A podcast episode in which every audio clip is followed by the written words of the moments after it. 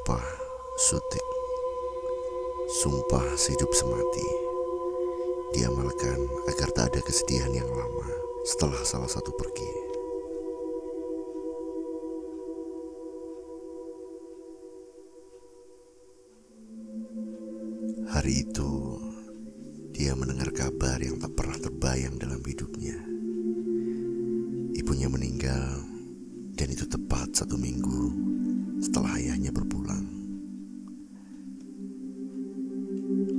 Sore itu, Ika hanya menangis sambil memeluk dua adiknya, Lulu dan Nanda. Tangis yang lebih keras daripada seminggu sebelumnya, ketika ayahnya pergi untuk selamanya. Lulu juga ikut menangis. Nanda yang masih kecil hanya memeluk Ika karena dia tak terlalu mengerti. Sebagai baktinya, Ika ikut serta memandikan jenazah ibunya. Diusapnya lengan ibunya perlahan, ia tak kuasa menahan air mata. Tapi di momen itu, Ika berusaha tegar. Hal aneh terjadi kala Ika membersihkan selajari ibunya. Tangan ibunya seperti menggenggam tangannya. Ika berusaha melepaskan, namun cengkeraman itu terasa berat. Ika hendak meminta bantuan kepada Mak Suti, tetangga yang ikut serta memandikan ibunya. Tapi belum juga Ika berbicara, cengkeraman itu sudah lepas. Ika sempat merasa takut, tapi setelah dipikir, Masa ada ibu yang mau menakuti anaknya? Lagi pula, rasa takut Ika tertutup oleh rasa sedih yang mendalam. Terbayang rumitnya hidup tahun-tahun ke depan. Setelah dikafani dan disolati, maka diantarkanlah ibunya ke peristirahatan terakhir. Air mata Ika mengalir deras Nanda di gendongannya hanya menatap lembut pada ibunya. Lalu Lulu menarik tangan Ika. Kak, kata Pak Ustadz tadi kalau kita menangis, ibu juga akan menangis. Ika berusaha menghapus air matanya. Ia tak mau mengecewakan Lulu. Dia berusaha tegar hingga prosesi pemakaman selesai. Saat mereka berjalan meninggalkan kuburan, tiba-tiba Nanda kecil bertanya, "Ke mana?" "Kita pulang," kata Ika. "Pulang ke mana?" "Ke rumah." "Ibu nggak pulang?" "Enggak, ibu di sini aja." Nanda mau sama ibu. Ini tempat ibu sekarang. Nanda sama kakak ya. Ika tak kuasa menahan sedihnya. Sepertinya Nanda baru mengerti bahwa ia akan berpisah dengan ibunya. Sepanjang jalan, Nanda terus menangis. Dia ingin ibunya ikut pulang. Dia tak mau meninggalkan ibunya. Malam pertama tanpa ibunya, Pak Ahmad suami Bu Suti yang merupakan tetangga menawarkan Ika dan saudaranya menginap di rumah mereka. Tapi Ika menolak. Ia tahu anak Bu Ahmad dan Bu Suti juga banyak. Tak enak dia menumpang. Apalagi Nanda terus menangis. Tak enak ia berisik di rumah orang. Maka sebagai gantinya Bu Suti menawarkan diri menginap di rumah Ika agar Ika tak kesepian.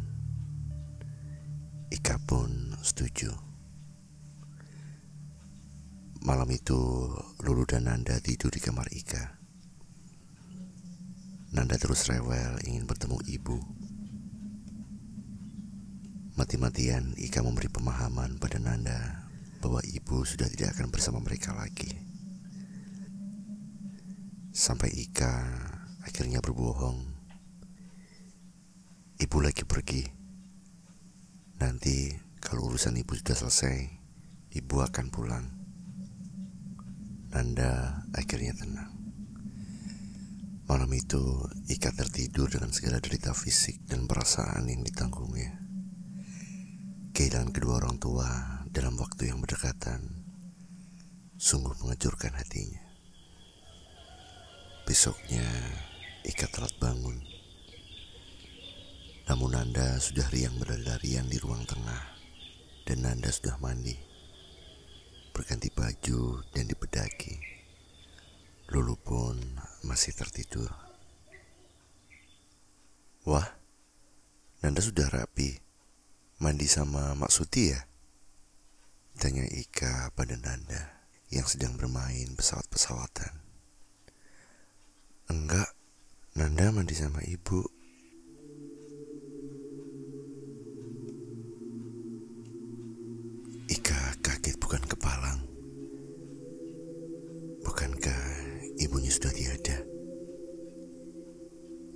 Memeriksa handphonenya hendak bertanya pada Maksuti.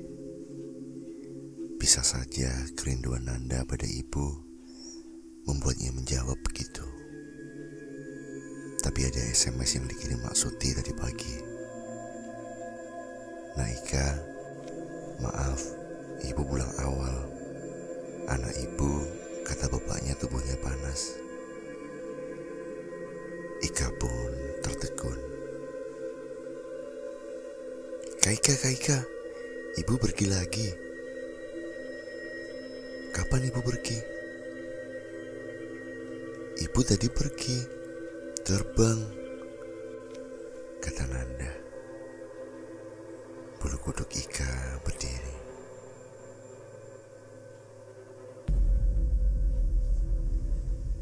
Malam harinya Nanda menangis. Dia tak mau tidur bersama Ika. Nanda mau tidur sama ibu. Ibu ndak ada, dek, kata Lulu. Ibu ada, Nanda kecil kekeh bahwa ibunya masih ada. Ika kemudian berinisiatif membawa Nanda ke kamar orang tuanya. Yang sebenarnya Ika belum siap. Kalian tahu kan aroma itu bisa menyimpan kenangan. Nah, aroma kamar orang tuanya bisa membuat Ika jadi lebih sedih. Makanya Ika menghindari ke sana. Tapi demi Nanda, Ika menguatkan diri. Kak, Lulu di sini aja. Kata Lulu, ia tak mau ikut. Kenapa? Lulu takut. Takut kenapa? Ibu kan baru meninggal. Kata teman Lulu, Nanti ibu jadi hantu. Wes, jangan sembarangan. Ibu sudah tenang di sana. Lulu tetap tak mau ikut. Ika mengalah. Ditinggalkannya Lulu. Semakin dekat ke kamar ibunya, Nanda berhenti menangis. Ketika Ika membuka gagang pintu, Ika mendengar sesuatu. Ada yang menangis di dalam.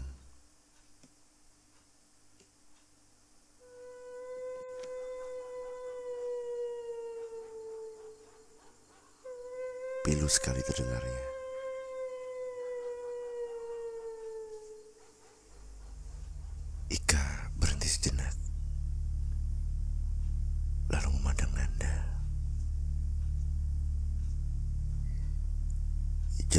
Ika berdegup kencang.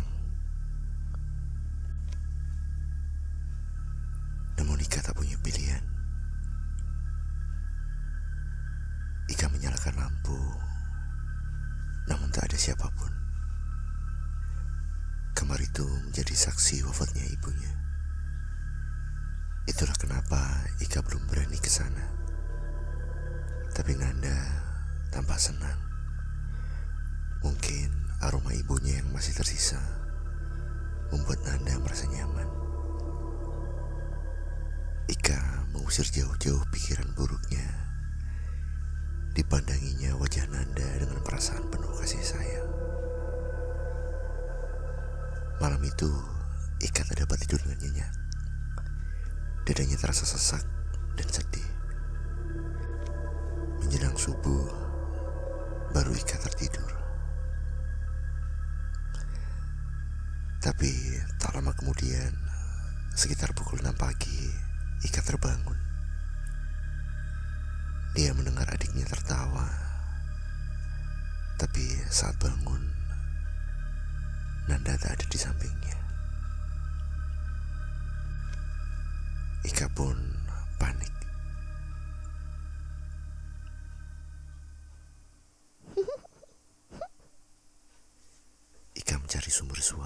Mengarah ke lemari ibu. Ika mendekati lemari. Suara nanda terdengar jelas dari sana. Ika membuka pintunya. Nanda tampak girang setelah membuat kaget Ika. Nanda, kamu ngapain di sini? Nanda main sama ibu. Bulu kuduk Ika berdiri. Ini jelas ada yang tak beres.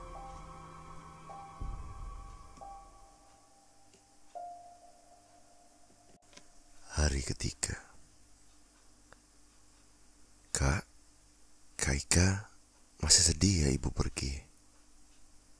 Enggak kok. Kan ada kalian yang nemenin Kak Ika.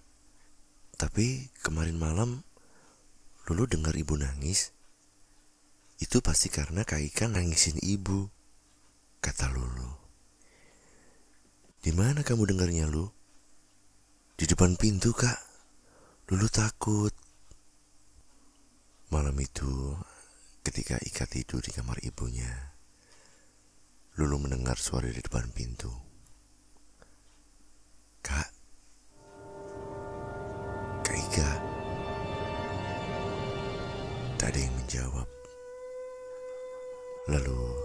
Suara tangis yang pilu.